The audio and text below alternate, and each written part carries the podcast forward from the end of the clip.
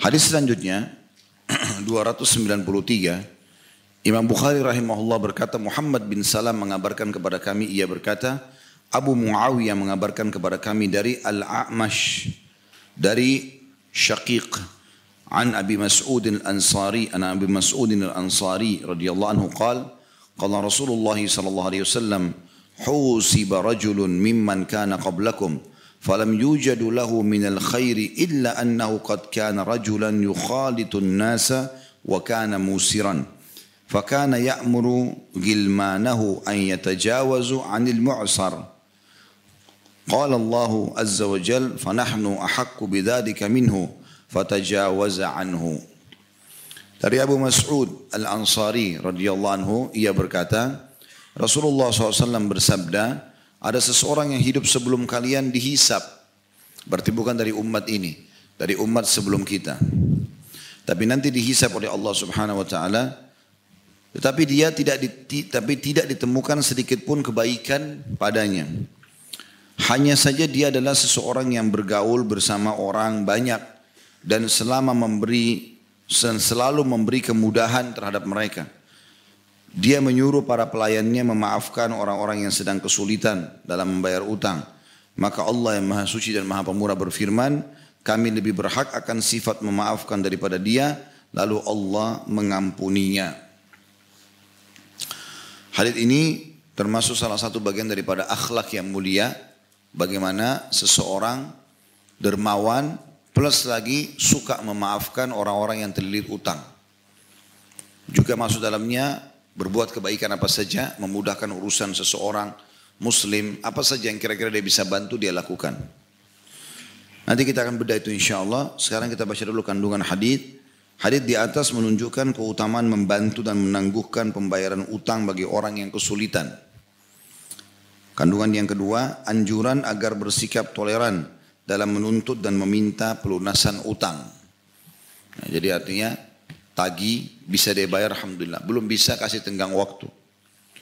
Dan yang ketiga, dibolehkan bagi seseorang menunjuk budaknya sebagai wakil dan memberi izin kepadanya untuk melakukan berbagai transaksi yang berkaitan dengan hartanya. Kita bedah hadis ini, Nabi SAW menggambarkan tentang ada orang sebelum kita dihisap bisa bermakna dihisap di sini pada saat dia meninggal para malaikat ya diberikan tita oleh Allah Subhanahu wa taala untuk menilai orang ini ke surga atau ke neraka. Maka ternyata dia lebih layak ke neraka karena nggak ada amal baiknya. Apakah itu amal baik wajib atau sunnah kita tidak tahu. Yang jelas dia tidak punya amal baik. Kecuali satu keadaan dia punya dia suka bergaul sama orang-orang Kemudian dia suka mengatakan kepada pegawai-pegawainya, kalau seandainya ya ada orang yang susah, maafkanlah. Ada orang yang susah, bantulah. Gitu kan. Maka Allah pun akhirnya memaafkan kesalahan dia. Ada poin yang perlu kita garis bawahi. Sabda Nabi SAW di sini dikatakan orang sebelum kalian. Artinya beda dengan kita keadaannya. Kita punya dalam syariat Nabi Muhammad SAW ada hal yang wajib, ada hal yang sunnah. Dan bukan dari umat ini yang terjadi ini. Karena kalau dari umat ini ada kewajiban-kewajibannya. Karena kalau misalnya orang meninggalkan sholat secara membangkang, nggak ada sholat itu. Dia kan kufur. Nggak bisa terbantukan dengan ini. Begitu juga bisa bisa masuk maknanya. Kita nggak bisa jadikan tolok ukur. Oh kalau begitu saya nggak usah sholat, saya nggak usah puasa, nggak usah apa-apa. Tapi kalau setiap kali ada uang, saya bagi ke orang, utangnya saya maafin, sudah saya akan dimaafkan juga sama Allah kok. Bukan itu. Karena Nabi bilang ini umat sebelum kalian. Bukan kalian ini. Kecuali Nabi SAW mengatakan akan ada dari umatku. Mungkin bisa saja orang beralasan seperti itu. Ya. Itu potongan yang pertama. Karena Nabi SAW mengatakan ada seseorang yang hidup sebelum kalian dihisap. Tetapi tidak ditemukan sedikit pun dari kebaikan dirinya gitu. Kemudian potongan yang kedua, akhlak-akhlak yang bisa diambil adalah orang ini bergaul dengan manusia. Dan ini bagian daripada syariat Nabi Muhammad SAW. Kita nggak boleh eksklusif. Kita disuruh berbaur, berbaur. Makanya Nabi SAW mengatakan, manusia yang berbaur dengan manusia yang lainnya, lalu sabar terhadap gangguan-gangguan mereka jauh lebih afdal dibandingkan orang mukmin yang tidak berbaur dengan manusia. Jadi kalau misalnya ada orang, udah saya nggak mau terganggu dengan urusan dunia, nggak mau inter sama manusia, udah tinggal di gua. Datang ke satu gua dia tinggal di sana, satu pulau dia sendirian. Yang terpencil, pokoknya dia mau ibadah saja. Boleh kah? Boleh saja. Itu hak dia. Tetapi pahalanya lebih sedikit dibandingkan orang yang memang berbaur dengan manusia. Ada suka dukanya, gitu kan? Ada gangguan orang, ada utang tidak dibayar, ada orang yang caci maki dia, ada suka dukanya. Kadang-kadang dia terjumus dalam kesalahan lalu dia bertaubat. Ini jauh lebih afdal. Dan ini berarti memang Islam menyuruh kita untuk berbaur dengan orang. Karena kalau ada orang berbuat baik depan mata kita, justru ajang pahala bagi kita untuk mendukungnya. Apa pun orang buat, orang bangun masjid kita nggak ada duit, kita mengatakan oh masya Allah masjidnya bagus pak, mudah-mudahan bisa cepat selesai. Atau kita motivasi orang lain untuk batang membantu, kita bisa dapat pahala dari perbuatan baik orang. Begitu juga dengan kalau orang berbuat salah atau pelanggaran di depan mata kita, kita bisa menjadikan ajang pahala dengan cara meluruskan kesalahan dia. Maka berbaur dengan manusia itu mendatangkan banyak sekali pahala. Sampai pelanggaran mereka pun bisa jadi pahala. Pelanggaran kita pun kalau kita lakukan kemudian kita taubat, juga ada pahalanya sendiri. Taubat itu adalah pahala, ibadah di sisi Allah Subhanahu wa taala. Kemudian potongan yang ketiga, selalu memberi kemudahan terhadap mereka. Jadi ada poin penting di sini teman-teman sekalian ya. Di poin ketiga ini kandungan hadisnya memudahkan urusan orang. Ini sesuai dengan sabda Nabi SAW, yassiru wa la tu'assiru. Mudahkan, jangan persulit. Ubashiru wa la tunafiru. Sampaikan berita gembira dan jangan membuat orang lari. Teman-teman yang bekerja di kantor, punya jabatan, apa pun yang bisa dimudahkan dari keputusan kantor, mudahkan saja. Ada orang susah sekali birokrasinya gitu. Susah ditemuin, ada urusan lama ditunda-tunda padahal tidak ada kegiatan, nggak ada sesuatu yang membuat mereka menunda itu. Sementara orang yang di depan matanya ini mungkin sangat perlu mau buat apalah ya, hal-hal yang dibutuhkan. Mungkin kalau kita rincikan sangat banyak gitu kan. Mau buat SIM, mau buat KTP, mau buat paspor, mau buat apa saja akte lahir. Apa yang bisa dimudahkan? Kalau memang kebijakan dari pemerintah nggak perlu sampai sesulit itu, ya sudah mudahkan saja buat orang. Itu yang Nabi SAW menyebutkan dalam hadis ini. Termasuk orang nanti akan diselamatkan pada hari kiamat adalah kalau orang itu memudahkan urusan orang lain. Jangan persulit. Pandu dia, Pak, Bapak kalau mau selesai urusannya, Bapak siapin 1, 2, 3, 4, 5. Saya tunggu ya Pak. Kalau ada yang belum ada, siapin. Belum bisa disiapin, bilang sama saya. Lalu kemudian kita pandu lagi. Mungkin kita kasih nomor telepon, coba hubungi si fulan, hubungi si fulan. Dan usahakan teman-teman ini jadikan sebagai sebuah akhlak kita. Setiap kita ingin bantu orang, jangan pernah berharap balasan. Jadikan sebagai sebuah prinsip itu. Jangan selalu kita lihat orang, Begitu orang ucapin hajatnya yang paling pertama, saya dibayar berapa? Apa yang saya bisa dapat unsur timbal baliknya secara duniawi ya? Apakah saya akan dikasih jabatan? Apakah saya akan menikah sama anaknya? Apakah ini dan itu? Enggak. Tujuan kita jelas. Kita mengejar pahala dari orang itu. Apa kata Nabi SAW? Orang muslim yang baik adalah yang paling baik buat, buat manusia yang lainnya. Dan ketahuilah, amal yang paling Allah cintai, besar sekali pahalanya, adalah kegembiraan yang kau masukkan dalam hati saudara muslim. Buat dia gembira saja sudah luar biasa pahalanya. Buat dia tersenyum. Mungkin anaknya sakit dibantu, mungkin dia butuh bantuan kita bantu. Mudahkan urusan. Memudahkan urusan saya sangat luar biasa gitu. Ya. Dan juga atau engkau menghilangkan laparnya atau engkau melunasi utangnya. Semua itu adalah penawaran ibadah yang sangat besar pahalanya di sisi Allah Subhanahu wa taala. Maka mudahkan. Mudahkan masalah itu. Suami istri juga begitu. Mudahkan buat pasangan apa yang bisa dimudahkan. Ada sesuatu yang dibutuhkan oleh istri, sementara kita mampu, nggak usah diskusi. Saya butuh gini-gini. Masuk akal, silahkan. Selesai. Maka orang pun akan mudahkan urusan nanti gitu kan. Jangan semua saling menahan itu. Mudahkan semua urusan. Kebutuhan apa pun dimudahkan. Dan ini termasuk kalau diniatkan karena Allah SWT ada pahalanya. Kemudian juga diambil potongan di sini yang keempat adalah orang ini menyuruh para pelayannya memaafkan orang-orang yang sedang kesulitan membayar utang. Dalam kurung membayar utang. Artinya Kalau kita tidak bisa terjun langsung ke lapangan, boleh kita instruksikan kepada para pegawai. Mudahkan urusan, mudahkan urusan. Jangan persulit. Karena biasa birokrasi ini juga terjadi karena pegawai-pegawai yang memang sengaja menerapkan menerapkan birokrasi yang sulit. Mungkin atasannya tidak seperti itu tapi bawahannya jadi masalah.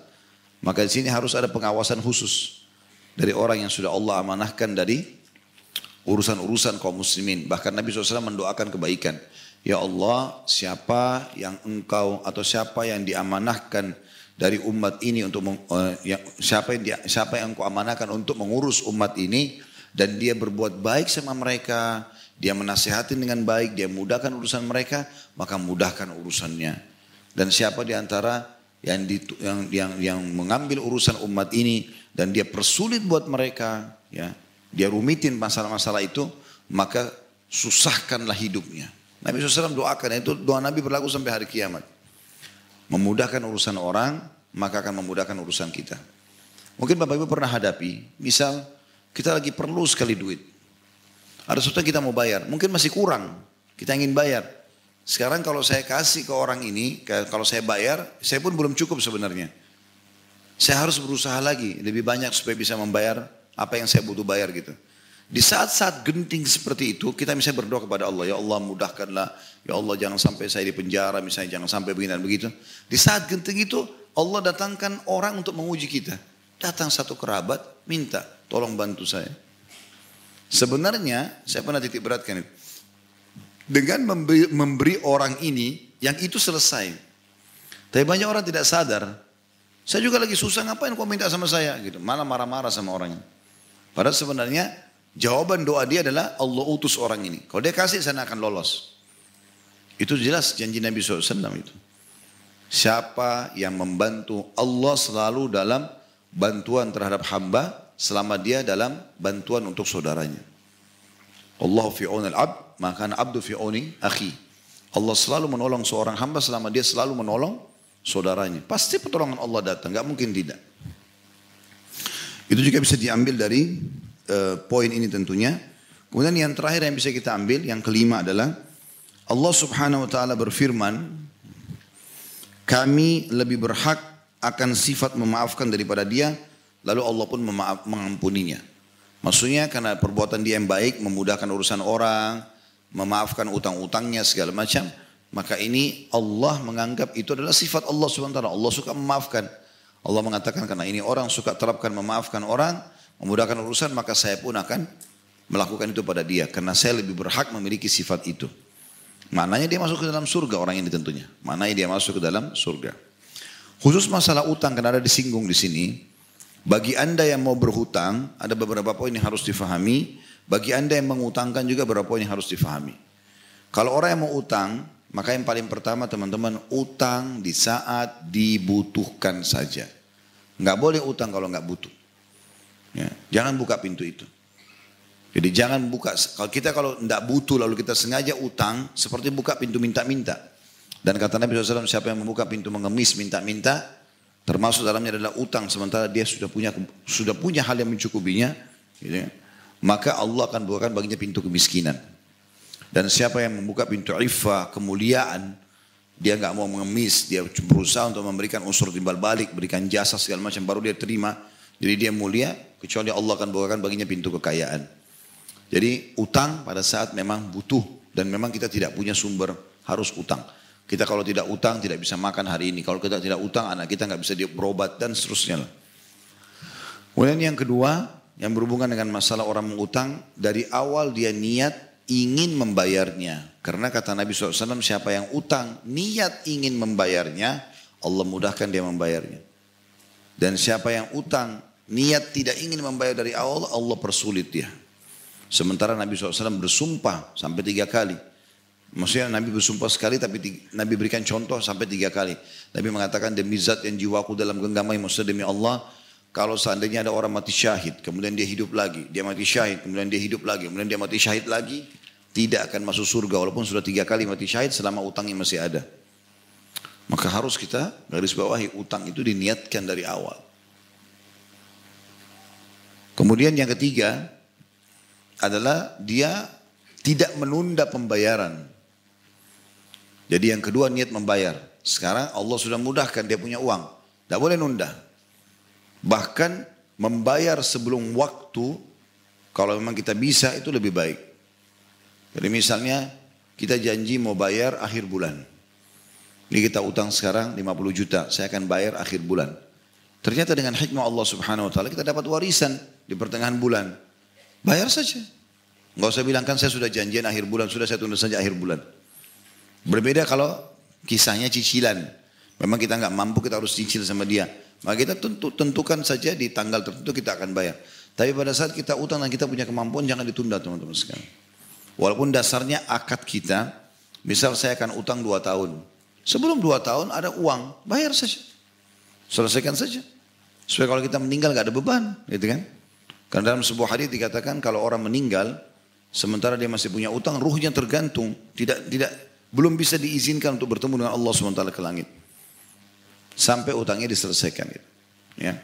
Ada seorang sahabat berkata begini, Ya Rasulullah, setelah Nabi sebutkan tentang keutamaan jihad, iman kepada Allah gitu, orang mati syahid, semoga Allah karuniakan kita insya Allah. Maka dia pun berkata, Ya Rasulullah, apakah kalau saya ikut berperang, lalu saya terbunuh, semua dosa saya dimaafkan oleh Allah? Kata Nabi SAW, iya.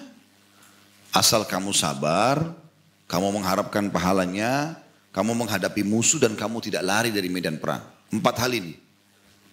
Maka orang itu diam. Lalu Nabi SAW mengatakan, apa tadi yang kau tanyakan?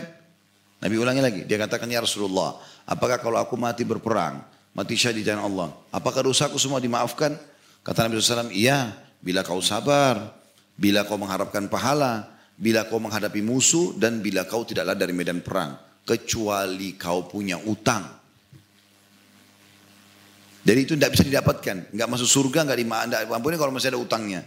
Artinya nanti hari kiamat didatangkan dia dengan pemilik piutang untuk e, dituntut dulu, diberikan haknya dari pahala dia baru dia bisa masuk surga. Gitu. Maka ini harus di hati-hati. Gitu. Ya. Ini orang kalau mau utang. Sekarang orang yang mau mengutangkan, kalau mengutangkan ini bagian daripada syariat. Ya. Jadi membuka rumah atau tempat kita atau kantor khusus untuk mengutangkan orang itu bagian dari syariat tetapi tanpa bunga. Memang niat mau membantu orang.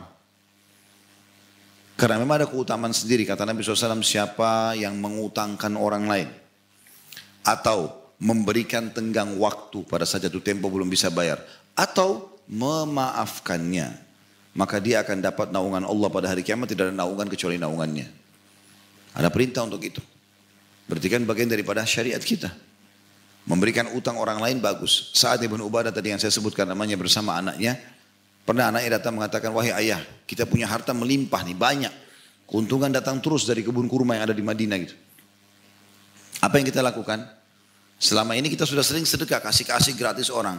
Kita mau seakan-akan anaknya mengatakan kira-kira ada sumber lain gak nih? Ada jenis perintah tertentu dalam syariat yang belum kita lakukan gitu. Ayahnya mengatakan kita utangkan orang saja. Tapi nanti pada saat jatuh tempo kita maafin. Jenis itu belum pernah dilakukan gitu loh. Yang lain sudah sering dilakukan, langsung kasih-kasih orang saja. Sekarang kita enggak, utangin. Dibuka ada iklan di atas rumahnya. Siapa yang mau utang silakan datang, datang orang-orang. Kalau nggak salah waktu itu 80 ribu dirham atau berapa. Uangnya banyak sekali, miliaran. Dibagi-bagilah sama dia, utang-utang sampai selesai. Orang semua utang. Setiap kali orang-orang ini datang, sepakat nih, satu bulan saya akan bayar. Datang, sudah kami tidak akan mengambil lagi, sudah kami maafkan. Hanya untuk cari pahala di celah itu. Kan bagian dari hal yang harus dipahami teman-teman sekalian. Setiap kali Bapak Ibu mendapatkan sebuah perintah dalam syariat, apakah itu ayat Al-Quran atau itu hadis Nabi SAW, Walaupun hukumnya sunnah, usahakan Bapak Ibu pernah kerjakan walaupun sekali seumur hidup. Walaupun sekali seumur hidup. Kalau kewajib, kalau sunnah ya bukan kewajiban. Wajib kan kita harus kerjakan. Misal, Bapak Ibu tidak pernah kerjakan duha. Baik minimal dua rakaat sekali seumur hidup. Supaya ada catatan di buku amal pernah duha gitu. Ini. Minimal begitu. Atau misalnya, bacaan sholat contohnya. Bacaan sholat itu kalau doa ruku kan banyak. Ada enam atau tujuh doa.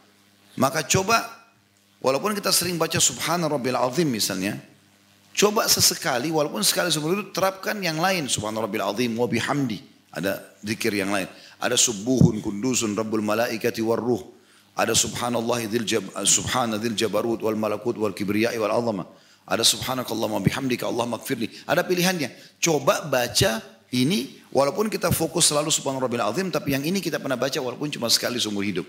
Sehingga di buku di buku amalan kita tercatat hampir seluruh syariat kita terapkan. Bisa ditangkap pesannya ya? Ya, jadi jangan bilang oh, itu kan sunnah, ada pilihannya. Udah saya pilih ini saja. Kita pilih sebagai sebuah rutinitas kita, oke, okay, tapi sesekali kita terapkan yang lainnya. Anda gak pernah puasa Senin Kamis, baik puasa sekali. Sekali walaupun sekali seumur hidup, gitu kan. Jangan tidak pernah sama sekali. Supaya ada catatan memang pernah melakukan ibadah itu gitu.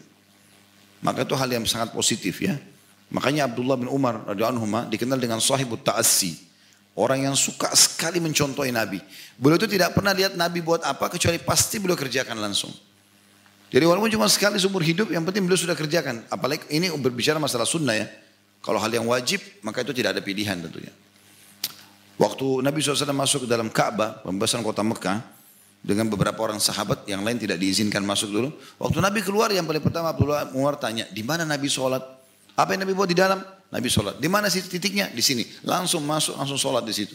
Jadi yang penting sudah pernah kerjakan gitu. Seperti itulah kurang lebih.